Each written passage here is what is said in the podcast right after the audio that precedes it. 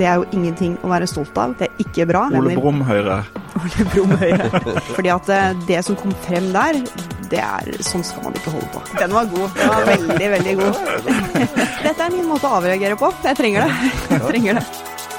Her er Stavrum og Eikeland. Velkommen olje- og energiminister Tina Bru fra Høyre. Eh, Du ønsker jo å gi Equinor skattelette i Nordsjøen, samtidig som de bruker penger som fulle sjømenn og blåser hundrevis av milliarder i USA og utbetaler millionbonuser til de ansvarlige, dvs. Si konsernsjefen og resten av konsernledelsen. Er dette riktig bruk av norske skattebetalers penger? Her lå det veldig mange premiss i det spørsmålet. Vi kan jo begynne der.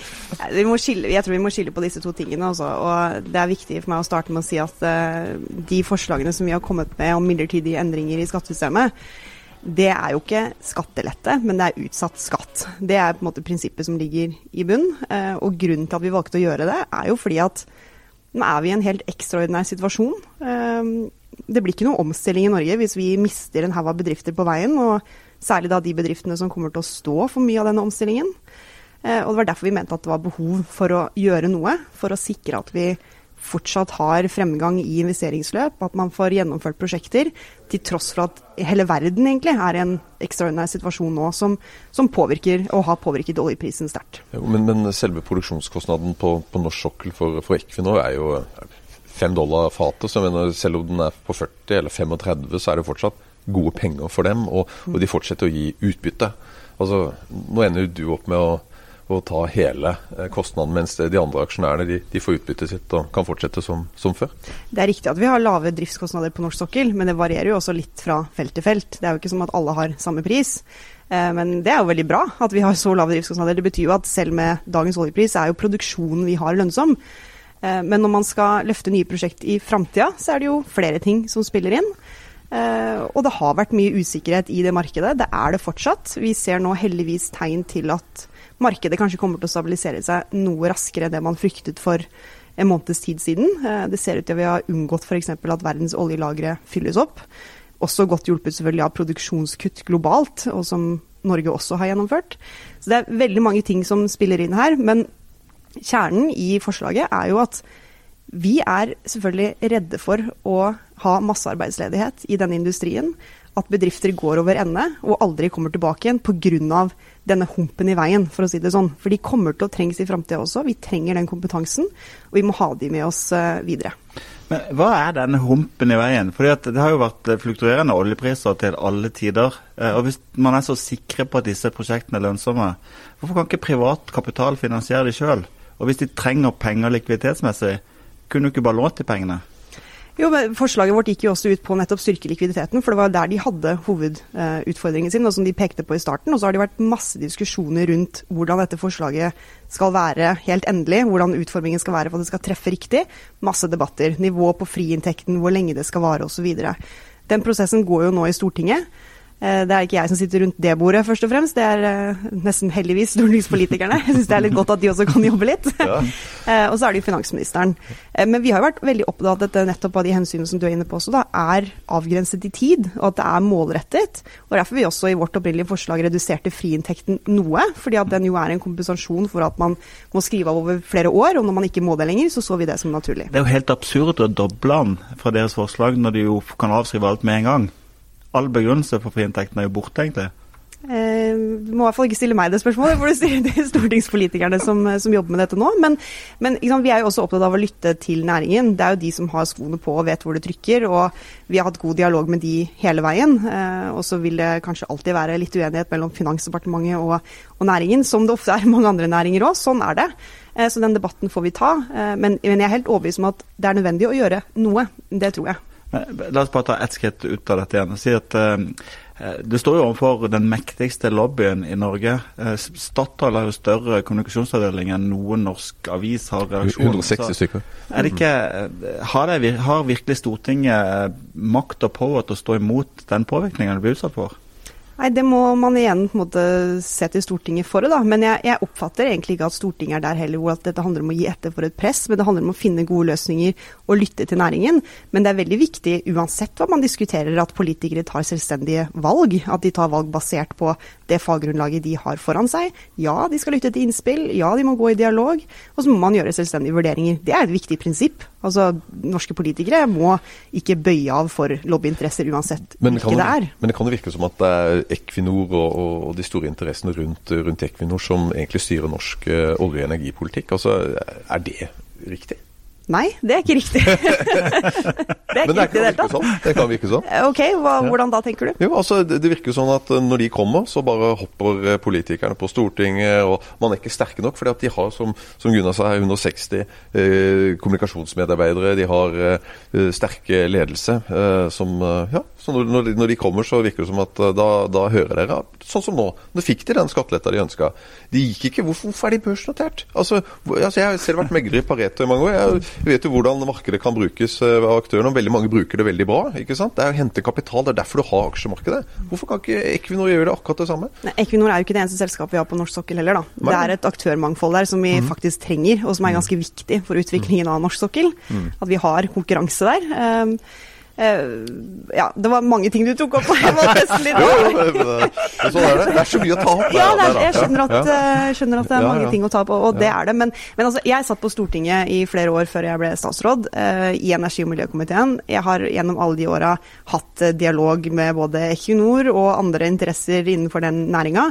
Eh, jeg har ikke opplevd de som en, en særlig sånn sterk lobbyinteresse i stortingskorridorene sånn til vanlig. Eh, det var eh, også mange som pekte på at man burde gjøre ting i 2014 uten at man nødvendigvis gjorde det. Det er ofte inne og f.eks. har vært ja, i hvert fall fremhevet utfordringene med å, å øke CO2-avgifta f.eks. og de debattene der, men man gjør det jo allikevel. Men, men, jeg mener at når det er Norges største og viktigste næring, så skal man også lytte til næringen. Det betyr ikke at de skal ha alt det de vil ha alltid, men å ha en, en god, åpen dialog med de, mener jeg er viktig. Mm. Høyre har jo fått litt mer grønnfarge enn tidligere. Er det litt paradoksalt at du eh, som ung eh, olje- og energiminister eh, faktisk da blir fronter en, en jeg kaller det skatteleste, du må gjerne kalle det skatteutsettelse. Ja, men hvis jeg kan få utsatt skatten min i en del år, så er jeg fornøyd der. Så. Men er det paradoks at det kanskje ikke at det kanskje Høyre ikke er framstår så grønt likevel? Jeg tror kanskje jeg må starte med å si at eh, det er, det er, flere ting jeg har gjort etter at jeg ble statsråd som jeg ikke så for meg at jeg kom til å ende opp med å gjøre. Eh, det tror jeg ikke bare gjelder meg, men det gjelder nok mange av statsrådene. Altså Den situasjonen vi har vært gjennom de siste ukene har vært uh, utrolig spesiell. Um, men, men uh, jeg har vært opptatt av også i det forslaget som vi la frem opprinnelig, hvor vi f.eks. sier det at uh, si kvoteprisen skulle falle da, i EU, så skal ikke vi måte svekke insentivene her i Norge. Derfor skal vi øke CO2-efta, sånn at det blir samme nivå. Uh, det er det ikke alle som var like fornøyd med, men det mener jeg er et viktig prinsipp. fordi vi vet at det er det sterkeste insentivet til å gjennomføre også de grønne løftene på sokkelen. Det er viktig for meg. Jeg er opptatt av at den næringa skal nå de målene den setter sjøl, og at vi bidrar til det. Men da må vi også ha de kravene og virkemidlene som utløser det. I tillegg til at vi selvfølgelig også bruker masse statlige penger på å understøtte prosjekter og teknologiutvikling osv. Så, videre. Eh, så jeg føler ikke at jeg har blitt mindre grønn gjennom dette, hvis det er det du lurer på. men men dette er en ekstremt spesiell situasjon. Det krever òg handling. Eh, og da altså, arbeidsplassene er ekstremt viktige for meg. Jeg vet òg at vi, den kompetansen som den næringa her representerer, og jeg kjenner den godt gjennom mange år. Jeg er selv fra Stavanger. Jeg har vært på ONS flere ganger og kjenner dette miljøet ganske godt. Eh, og jeg syns ofte at det det kanskje hadde kommet litt bedre frem nå, da, men ofte syns jeg også det blir litt glemt at uh, dette er ikke bare liksom plattformer ute i sjøen. Det er noe enorme kompetansemiljøer som også bidrar til å redusere utslipp gjennom teknologiutvikling som de holder på med, som også denne bransjen drar nytte av i andre land enn i Norge. Uh, og Det blir ikke noe offshore havvind i Norge eller noe karbonfangst og -lagring eller disse andre prosjektene hvis ikke vi har med den industrien. Men eh, jeg stilte kanskje spørsmål litt upresist Hva er det du oppfatter som er så ekstremt i situasjonen nå? Uh, det at det er lav oljepris, det har det vært mange ganger før. Ja, Det som er ekstremt, er jo at man hadde to ting samtidig. At etterspørselen falt helt bort eh, pga. covid-19. Alle slutta å fly, alle slutta å kjøre bil. Det var ingen etterspørsel etter olje. Eh, og samtidig hadde du oljepriskrig, eh, som gjorde at produksjonen økte voldsomt. Og man var i ferd med å få en situasjon hvor oljelagrene globalt gikk mot å bli fulle. Da ville du hatt varig, veldig ustabilt, lavt, dårlig marked. Det eh, selvfølgelig preger jo investeringene som skal gjøres her. Det perspektivet man går inn i, og ga selskapene store utfordringer med likviditet, bl.a. Men, men nå beskriver du en situasjon som var for to måneder siden. Eh, nå er jo oljelagrene på vei ned, og oljeprisen er i 40 dollar. Så hva er det som er ekstremt nå? Nei, altså, jeg er jo heller ikke en oljeanalytiker, da, så jeg kan jo ikke måte, greie ut om hele markedssituasjonen. Men jeg registrerer jo fortsatt at det nedbemannes over hele fjøla i industrien. Prosjekter er satt på vent. Hvis det var så enkelt som at uh, i det sekundet oljeprisen spretter opp, så løfter man investeringen igjen, så tror jeg også det ville skjedd. Men det er jo ikke sånn. Dette er en syklisk næring. Det er lang ledetid på prosjekter. Krever forutsetninger for å ta Altså det krever en forutsigbarhet for å kunne gå foran med mm. beslutninger. Og det er nok det som på en måte er litt kjernen her. At det er, det er veldig usikkerhet. Eh, oljeprisen kan fort falle igjen. Det er ikke noen garanti for at den nå skal fortsette å klatre oppover f.eks. Det kan skje, men det er ikke gitt. Equinor har jo 75 dollar eh, i sine verdianslag på, på olja, så de forventer jo den skal opp i hvert fall. Ja, det er mulig. Jeg kan ikke snakke for ja, deres anslag. men, men, men, eh, når det gjelder da eh, dette som skjedde i USA mm. Du har jo sittet på Stortinget og fulgt med litt. Altså, kom det som et sjokk for deg, det tapet? Nei, de gjorde jo ikke det. Eh, det tror jeg ikke det egentlig gjorde for så veldig mange. fordi at de har hatt store tap i USA har jo vært kjent over mange år. Det har jo vært store oppslag om det tidligere også. Det som var nytt i den saken som kom nå, var jo egentlig to ting. Det ene var på en måte det totale omfanget, altså hvor høyt tallet var. Eh, og dette som kom frem rundt forretningskultur og dårlig internrapportering og manglende kontroll. Eh, og den siste biten der har jo på ingen måte eh, vært kjent eh, i offentligheten før, og heller ikke for departementet. Fordi det er jo interne forhold som ikke har vært kjent utad før nå. Mm. Men jeg bare lurer på en ting der. Altså, hvor mange hundre milliarder kroner må Equinor blåse bort før det får konsekvenser for én styre, to management? Det er vanskelig å svare på det spørsmålet der. fordi at eh, Man må også huske litt på forutsetningene langt tilbake i tid på hvorfor Equinor i det hele tatt er i USA. Dette var et ønske også politisk fra Norge, slått fast gjennom eierskapspolitikken, at man ønsket at selskapet skulle kunne vokse, at de skulle se eh, til utlandet. At de skulle ikke bare vokse der selv, men også gi grunnlag for at norske bedrifter og leverandørindustri her kunne være med ut. Altså ta over verden litt da, på, på denne, i denne bransjen. Ehm, det er også slått fast i, i stortingsmeldinger også at man eh, mente at uh, selskapet på den måten ville bli større og sterkere, og kunne også ta mer risiko. Og hvis det er en ting man vet, så er det jo at det er jo ikke risikofritt å investere, ei heller i olje- og gassbransjen. Uh, og det var jo mange som på det tidspunktet hvor disse investeringene her ble gjort i USA, hadde Eh, tro på en oljepris som skulle være mye høyere i mye lengre tid. Eh, gikk inn i prosjekter. Teknologiutvikling gjorde det mulig å drive med skifer, som ikke hadde vært mulig før. Og mange har tapt store penger. Eh, Misforstå meg rett, det betyr ikke at ikke jeg mener at disse tapene er forferdelig store. Det er de. Det er jo ingenting å være stolt av. Det er ikke bra. Eh, men vi, jeg syns det er litt viktig allikevel å ha med eh, det bildet bak, for å også forklare at det har Altså Man har eh, ønsket at de også skulle gå ut i utlandet. Hadde Jon Fredriksen vært styreleder, eller er vært største eier i Equinor, så hadde det styret vært bytta bort for lenge siden. Den ledelsen har vært gone for lenge siden. Mm. Eh, sier ikke det litt sånn at den der eierskapspolitikken man har kjørt, mm. eh, edel tanke, politikere skal ikke rote seg bort i business og alt dette her, at den kanskje ikke helt har fungert? Ja, men du må huske på at eierskaps eierskapspolitikken til staten legger ikke opp til at staten skal involvere seg i strategiske valg. Det er det selskapets ledelse og styre som har ansvar for. Eh, så jeg tror aldri at man med den eierskapspolitikken som det er et bredt flertall for i Stortinget i dag, så ville man ikke vært i en situasjon hvor politikere gikk inn og sa at nei, akkurat det skal vi ikke drive med, eller der skal dere gå inn. Det er ikke god eierstyring etter mitt syn. Det betyr ikke at altså, det er en forskjell på å ha et passivt eierskap og ha en armlengdes avstand, men være involvert.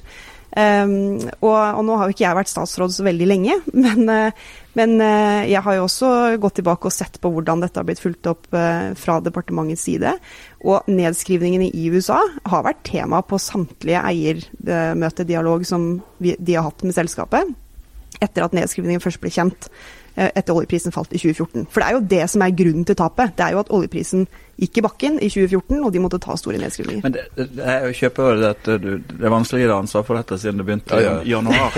Men én ting har du ansvar for, og det er uh, innstillinga til nytt styre i Statoil.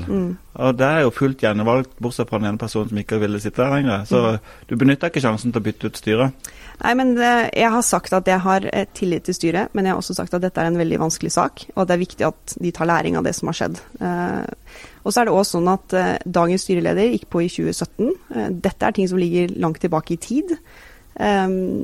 Og, og jeg, jeg skjønner disse spørsmålene, men det er òg Tapene er kjent, de har vært kjent lenge. Det har vært helt annen styresammensetning når disse investeringene ble besluttet, når tapene kom. Det er flere år siden. Så det også er et moment i diskusjonen. Eh, Vi snakka litt før du kom om eh, Vi skulle si at du er Er du en del av Oljehøyre fra Rogaland, eller er du en del av eh, Unge Høyre, den grønne ny- nye linje Unge Høyre? Hvor vil du plassere deg sjøl politisk internt i Høyre? Ja, altså jeg tror jeg kunne få sagt at jeg er Rogaland Unge Høyre, når du går til olje. Dette var en HUB, dette. dette. Nei, altså eh, jeg, jeg tilhører nok den fløyen i partiet som eh, har hatt et ønske om å utvikle klimapolitikken til partiet. Det, det gjør jeg nok. Men jeg står òg veldig solid plantet i eh, jeg tror ikke det er, det er ikke noe fløy på dette i Høyre, også, men de som mener at man skal utvikle næringen fortsatt. Det er det veldig mange i Høyre som Ole mener. Brumm Høyre. Ole Brumm Høyre.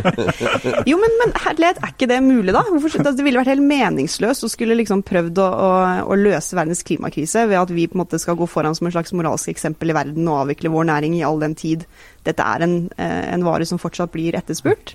Det betyr ikke at ikke vi kan faktisk gå foran som et moralsk eksempel i verden og vise at vi stiller klimakrav til vår næring, at vi har forventninger til at vi skal kutte utslippene, som jeg mener at vi også gjør. Det er jo nesten ingen andre land i verden som f.eks. har CO2-avgift på sokkelen sin, sånn som det vi har, eh, og stiller strenge krav. Så det er på en måte, du må kunne gjøre begge deler, men jeg er liksom, olja kommer til å ha sin naturlige slutt en dag uansett. Apropos det, du, er jo, du har jo studert både religionshistorie og, og endringsledelse, så du er vel den rette statsråden til å gi Norge den siste olje? Den var god. Den var veldig, veldig god. Litt mer personlig. På, på, du, du bodde jo i USA. Eh, Sånn, eh, mange fra Rogaland på en måte vil definere seg som oljeunger. Mm. Hva slags relasjon har du til næringen olje, liksom, sånn personlig? Personlig, nei, altså jeg, jeg også liker å definere meg som det, eh, men det er sikkert mange som legger ulike ting i det begrepet, da, hva det egentlig er. Eh, Men, men jeg, jeg husker at jeg tenkte veldig mye på det når jeg var eh, Altså når jeg ble valgt inn på Stortinget, så ble jeg plassert i energi- og miljøkomiteen, og jeg tror det var fordi at jeg var fra Rogaland, og da kan jeg sikkert olje. Sånn er det jo ikke, ikke sant. Men det, men det er kanskje eh, også gjennom min oppvekst Altså faren min har ikke vært i olje alltid, han er egentlig shipping, det er det han har drevet med, men knyttet opp til mye olje- og gassvirksomhet. Eh, Så jeg har kanskje alltid hatt en, sånn, en ganske stor forståelse for hva denne næringa betyr da, eh, for Norge, for velferden vår, for egentlig all den utviklingen vi har hatt siden vi fant olje. Jeg husker at jeg savnet litt den forståelsen hos ganske mange andre politikere når jeg var ny eh, på Stortinget i Oslo. Og Det er ikke til forkleinelse for de, men det er noe med når du ikke bor så tett på det og ikke ser det i hverdagen, så er det også litt lettere å ta det for gitt og ikke ha hele den forståelsen av at, som jeg sa i stad, dette er ikke bare en plattform ute i havet som pumper opp olje, men det er liksom en stor underskog av masse annet, særlig på land. Det er jo der de fleste arbeidsplassene ligger. Um, så jeg er veldig opptatt av det. Jeg mener at det er en um, Altså Vi er så heldige og skal være så stolte av den industrien i Norge og det de har fått til og det de representerer. Uh, og jeg syns ofte at de får mye ufortjent tyn, og jeg syns det er litt synd at folk i næringa liksom skal føle på at de jobber der. At de er en del av et problem. Eh, det mener jeg er å plassere ansvaret på helt feil sted. Jeg tror ikke det blir en siste olje med denne energiministeren. Det blir ikke det. Det blir ikke det. sånn. Men samtidig er det viktig å ha med altså, Det kommer til å skje en dag. ikke sant? Det er, det er en forskjell på det å på en måte eh, være for industrien og, og liksom det å, å kommunisere en sånn 'dette skal vare inn i evigheten'-bilde. At det er ingen ende på det og sånn. Det mener jeg er en uansvarlig ting å kommunisere. fordi at vi vet at investeringene oljeskattendring eller ikke til tross, kommer til å falle de neste årene. Eh, Vi vet at dette stadig blir en mindre del av motoren liksom, i norsk økonomi. Eh, Og det å faktisk ta det ansvaret på å få til en omstilling, altså du får en overføring av arbeidsplasser inn i nye næringer, eh, side om side, er, er viktig. Og vi må ikke på en måte villede folk med å tro at dette ikke har noen ende, for det har det også av naturlige årsaker. Og for all del, det kan godt hende at olje og gass blir liggende i bakken i Norge òg fordi det ikke er lønnsomt. Det er fordi det ikke er lønnsomt. Enten fordi at eh, klimakravene har blitt som de har blitt, eller det er blitt så dyrt, eller det er ikke tilgjengelige ressurser. Det kan skje, det må vi ha med oss. Men det er liksom en nyanseforskjell på det, å si nå skrur vi av lyset, eller dette skal vare inn i evigheten. Den særnorske, eller, ja, særnorske petroleumsskatten Vi kan si at felt, olje i bakken blir mer lønnsom hvis vi bare gradvis skrur ned skattesatsen på oljen framover. ok. ja, kanskje du skal få lov å synes om det? Jeg vet ikke. jeg hadde håpet du kunne synes litt. Nei, altså jeg, jeg det, Du vil sikkert mene at ikke det er å svare ordentlig på spørsmålet ditt, altså. Men uh, det får så være. Men, men, jeg er egentlig ganske altså I utgangspunktet satt det ganske langt inne for meg å også være med på at vi skulle gjøre en, en midlertidig justering i systemet. Fordi at det skatteregimet vi har på sokkelen, har tjent oss svært godt i mange år. Eh, det er alltid blitt fremhevet at stabiliteten i det, forutsigbarheten i det, er viktig. Eh, og det er en god fordeling eh, som sikrer at vi får, får aktivitet, får utbygginger, og at staten tjener gode penger. Så den verdien er jeg opptatt av å bevare. og Derfor var det også veldig viktig at skal du først gjøre endringer, så må du ramme det inn på en god måte. For vi skal tilbake til normalen en dag. Men Var det ikke en helt sinnssykt feil timing å gå på Stortinget? Nå, nå, må du sitte her og ta ansvar, men på Stortinget så har du jo hundreder av milliarder kroner i alle retninger for tida. Ja, Men jeg liker jo egentlig ikke det, vet du. Så egentlig så det er litt deilig. Det sitter litt sånn eh, ja, jeg er sånn, kanskje jeg er uh, utypisk politiker på de greiene der, men, men er, eh, det er kanskje der høyresjelen min kommer frem. da. Jeg, det, for meg sitter det langt inne å bruke mye penger. Du skal ha en veldig god grunn til å gjøre det, i hvert fall.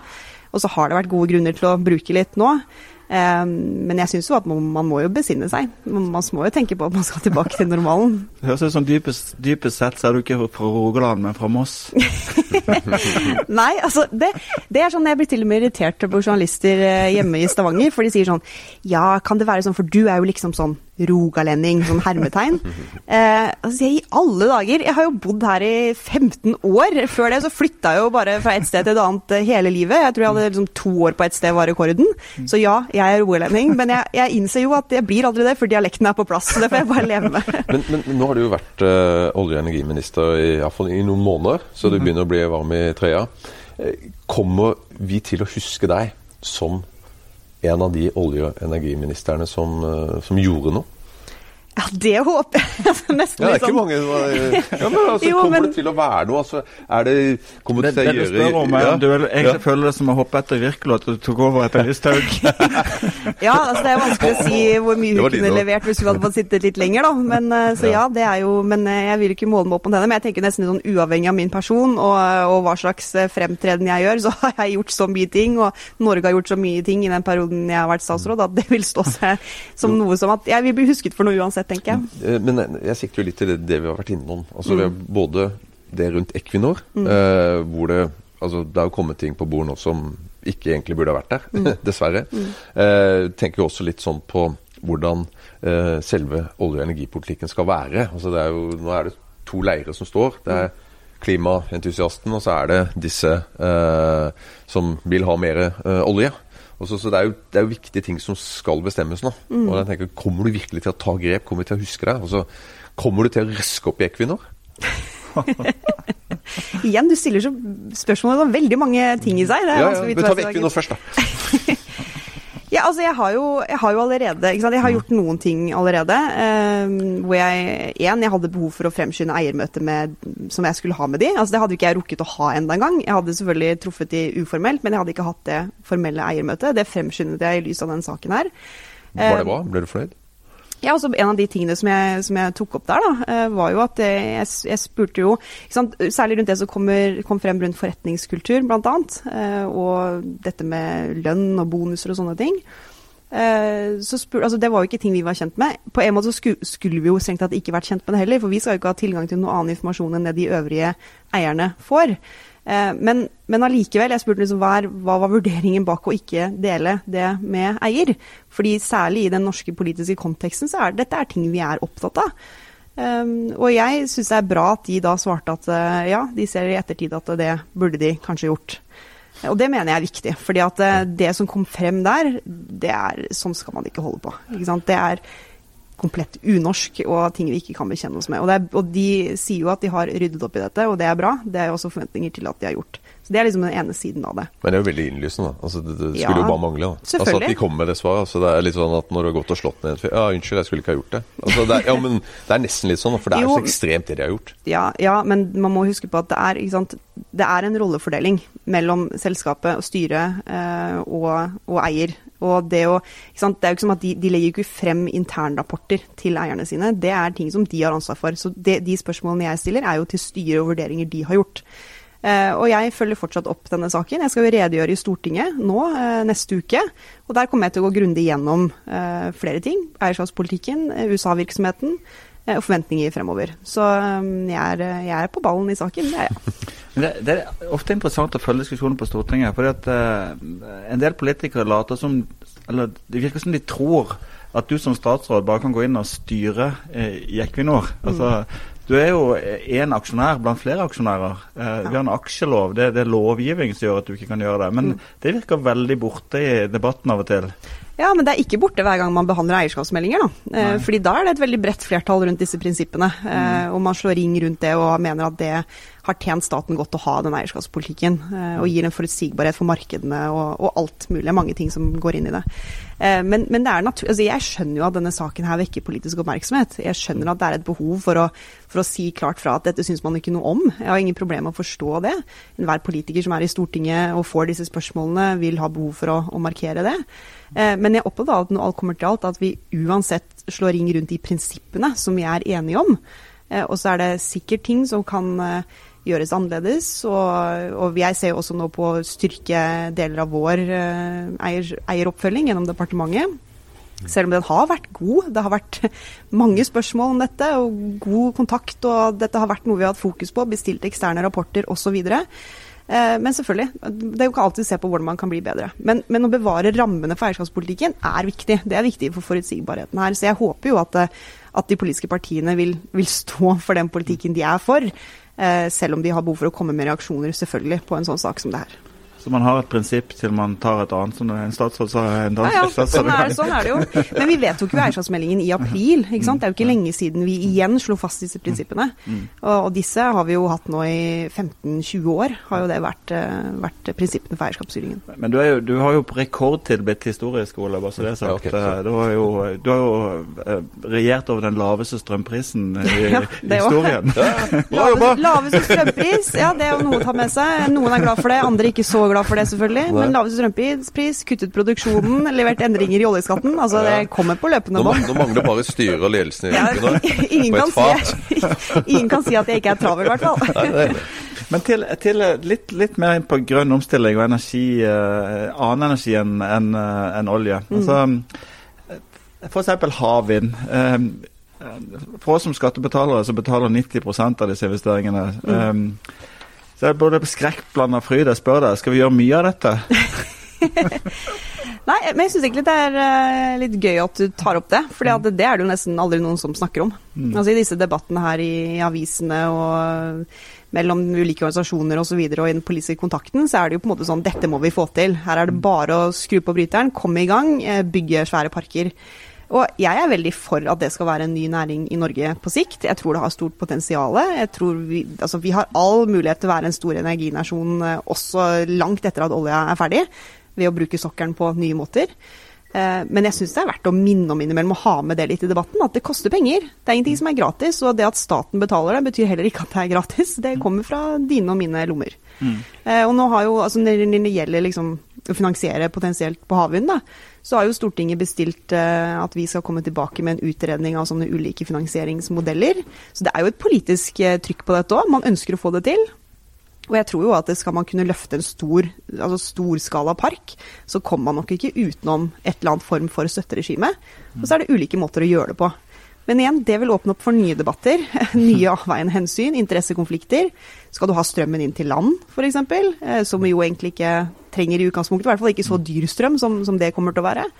Eh, vil gå utover strømregningen til folk, f.eks. Så det er mange sånne ting å diskutere. Altså Kostpris én krone per kilowatt. Ja, eh, ja. Markedspris ett øre. Det høres ikke ut som en god plan. Nei. Men ikke sant, så er det andre muligheter òg som Dette er jo litt sånn diskusjoner på et mer sånn visjonært nivå, da. Men, men Du kan, ikke sant, En mulighet er jo å bruke det i storskala elektrifisering av sokkelen, som jo også er et mål. Eh, også En annen mulighet er jo å koble kabel til kontinentet, eksportere strømmen isteden. Mm. Men som også representerer noen dilemmaer. da. Vi vet jo åssen det er når man diskuterer dette ellers, å eksportere strøm. Ikke alltid en rett frem debatt, det heller. Mm. Hvorfor er dere så utrolig visjonsløse når det gjelder hydrogen, for å sitere Arbeiderpartiet? Egentlig sånn nok et eksempel da, på eh, Mange mener her er det bare å trykke, trykke på knappen, eh, få det opp, big scale, kjøre på. Eh, men kostbart. ikke sant? Det er fortsatt til dels umoden teknologi. Koster penger å løfte. Vi leverte en strategi nå som selvfølgelig altså Opposisjonspartier vil alltid mene at det, det regjeringen kommer med er visjonsløst og ikke går langt nok. Det ligger jo på en måte i Det er jobben din når du er i opposisjon. Men det den strategien vi la frem nå egentlig gjør, er at det er jo en, en samling av så det er, det er, første gang man får en sånn strategi. Det er kunnskapsgrunnlaget for hvordan står det til med hydrogen i Norge. Hva er de naturlige fortrinnene vi har? Hva bør vi satse på hvis vi skal satse på det? Uh, og, og, for å si det sånn, da, den, den, største tingen vi kan gjøre for hydrogen på, på statsbidragssiden, vil jo være å hvis vi får til å realisere karbonfangst- og lagringsprosjektet. Uh, fordi for blå hydrogen f.eks., så trenger du jo den teknologien. Så jeg syns ikke vi er visjonsløse, men det må Arbeiderpartiet gjerne men, mene. Men, men EU de er jo mest interessert i den, den grønne hydrogen. Mm. Uh, så sånn sett, så, og det koster jo dette. Hydrogen er jo, så Ergo så er vi jo litt avhengig av å få med EU mm. på laget. Ja. Uh, og det er klart at da er jo karbonfangst og -lagring det er ikke akkurat det som står øverst på deres agenda. Da. Nei, men det er mange land i Europa som også er opptatt av det. Altså, jeg tror Kjernen er jo litt at skal du nå klimamålene, da, eller egentlig bedre sagt, skal du unngå katastrofale klimaendringer, så må denne teknologien og andre teknologier rulles ut. Det er ikke noe sånn enten-eller. Det holder ikke med bare én ting, du kommer til å trenge et samspill. Eh, og så er det jo egentlig litt tilbake til den der vanlige prinsipielle diskusjonen, da, at skal du peke på enkeltteknologier, si at det skal vi bruke penger på, eller skal man la markedet bestemme det? De beste prosjektene, det som blir lønnsomt fortest og konkurrerer. Eh, jeg er nok fortsatt tilhenger av det siste, men jeg ser samtidig at at eh, de tingene som Norge har fortrinn på, kan det være gode grunner til å understøtte litt ekstra. Så vi har jo, når vi nå kom med den grønne pakka, som er en del av disse krisepakkene som har kommet i forbindelse med korona, så lå det ekstra penger til Enova der, i en sånn tilleggsbevilgning. Og der peker vi jo på noen temaer, bl.a. hydrogen. Men vi plukker ikke enkeltprosjekt. Det må fortsatt fagfolkene i eh, Enova få gjøre. Equinor tar jo alle de pengene.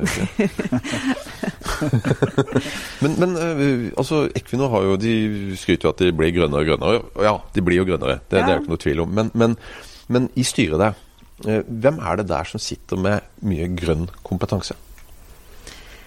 Jeg kan ikke peke på enkeltmennesker og hvem som har mest mm. grønn kompetanse i styret. Hadde det vært en idé å fått inn noen à la Fredrik Hauge og sånt i styret? For å få litt action?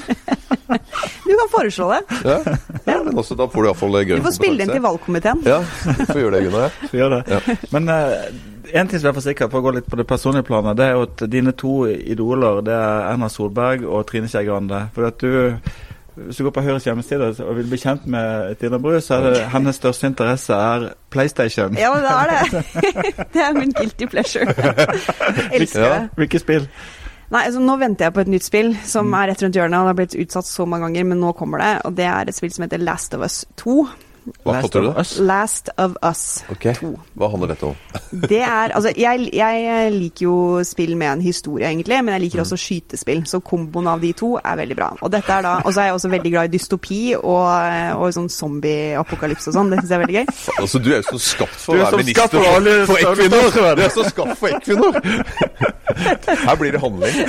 Ja, wow. Ja, men det er iallfall dette det spillet handler om. Eh, det er eh, en, en slags eh, zombie-apokalypse apokalypse, altså et, et virus eh, mye heftigere enn covid-19, for å si det sånn, som, som eh, infiserer folk og gjør at de blir eh, ja, gærne. Og så spiller du da en, en, ung jente som gjør forskjellige oppdrag da innenfor i denne verdenen her. Men det er utrolig vakkert spill. altså Det anbefales. Det høres veldig vakkert ut. Ja, men, ja, men det er altså sånn grafikken i det, og historiefortellingen og skuespillerpresset Altså, det er kunst på høyt nivå. Men den unge jenten redder hun verden, da? ja, altså, hun er jo egentlig verdens håp, da, fordi ja. at hun blir ikke infisert. Så det er, på en måte, det er litt plotten her, da. Om, eh, om hun kanskje må jeg kan ikke, Folk må spille men, spill. Men i hvor stor grad vil du si at det er et selvbiografisk spill? Nei, det er det ikke i det hele tatt. Du, du, vet jo at uh, Ole Gunnar Solskjær han uh, spiller sånn fotballmanager, football manager uh, for å bli bedre. Ja. Så dette er litt sånn for at du skal Altså, jeg, Dette er min måte å avreagere på. Jeg trenger det. Jeg trenger det. Ja, Men altså, Jens gjorde også noe sånt, gjorde han ikke det? Han Han hadde jo han hadde også drevet med spill. Alle disse her Han spiser Mariekjeks og drikker te. Ja, det er det. Men er det gøy å være st- oljestatsråd?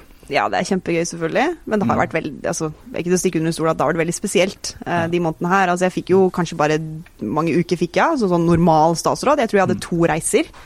Til, en til Kristiansand og en til Stavanger, før på en måte alt bare ble nedstengt. Og det var masse ekstraordinære regjeringskonferanser og bare covid-19-saker. og Så det, det har vært mye sånn krisehåndtering, da, eh, som er noe annet enn den vanlige statsrådjobben. Eh, Men det er jo vært, altså jeg har jo lært utrolig mye, og det føles jo veldig men, altså ekstra meningsfullt da, å gå på jobb i en sånn situasjon som det her. For at du vet at det er så mye viktig som står på spill. Eh, og det, det har vært motiverende, men jeg skal ikke, jeg skal ikke late som at jeg ikke er litt sliten nå. Det blir litt bra med sommer. Men nå ser jeg nå eh, var Jens dro vel til Aker Stord, og, og Sylvi Listhaug porta seg til Aker Verdal og var kjeledress og hjelm. Når får du tid til å dra rundt og ha litt kjeledress og hjelm på deg? Nei, snart håper jeg. Men jeg husker jeg så de oppslagene, så tenkte jeg herlighet, er det lov å reise igjen? da? Ok. så nei, men jeg håper jo veldig på å få kommet meg litt rundt etter hvert, da. Fordi det, det har jeg savna de månedene her. For det er så viktig for politikere å være ute og treffe folk. Og det er ikke en floskel, som dere kanskje vil tenke at det er, men det er faktisk det. Og de, ikke bare fordi at det er viktig å høre hva de sier, men det gir veldig mye motivasjon å treffe litt vanlige folk. Som ikke er liksom det vante greiene du går rundt her inne hele tiden, da. Eh, Så jeg gleder meg til det. Du vet at, eh, at eh, Stortinget har 104 dager møtefri, men det har jo ikke du som statsråd. Så også der har du gjort en feil. Ja, men jeg gleder meg litt til de tar ferie òg, da. Det skal, da blir det litt, eh, litt roligere å gå på jobb for meg. Ja, for Du sa jo det i sted, at, at du var litt fornøyd med at de også måtte jobbe litt på, på Stortinget. det Ja. det du sa i sted? Ja, ja jo. Men, altså, men de hadde jo noen litt roligere uker når de òg ikke fikk lov å være der sammen, og, ikke sant? fordi at vi var veldig på lockdown og alt det der.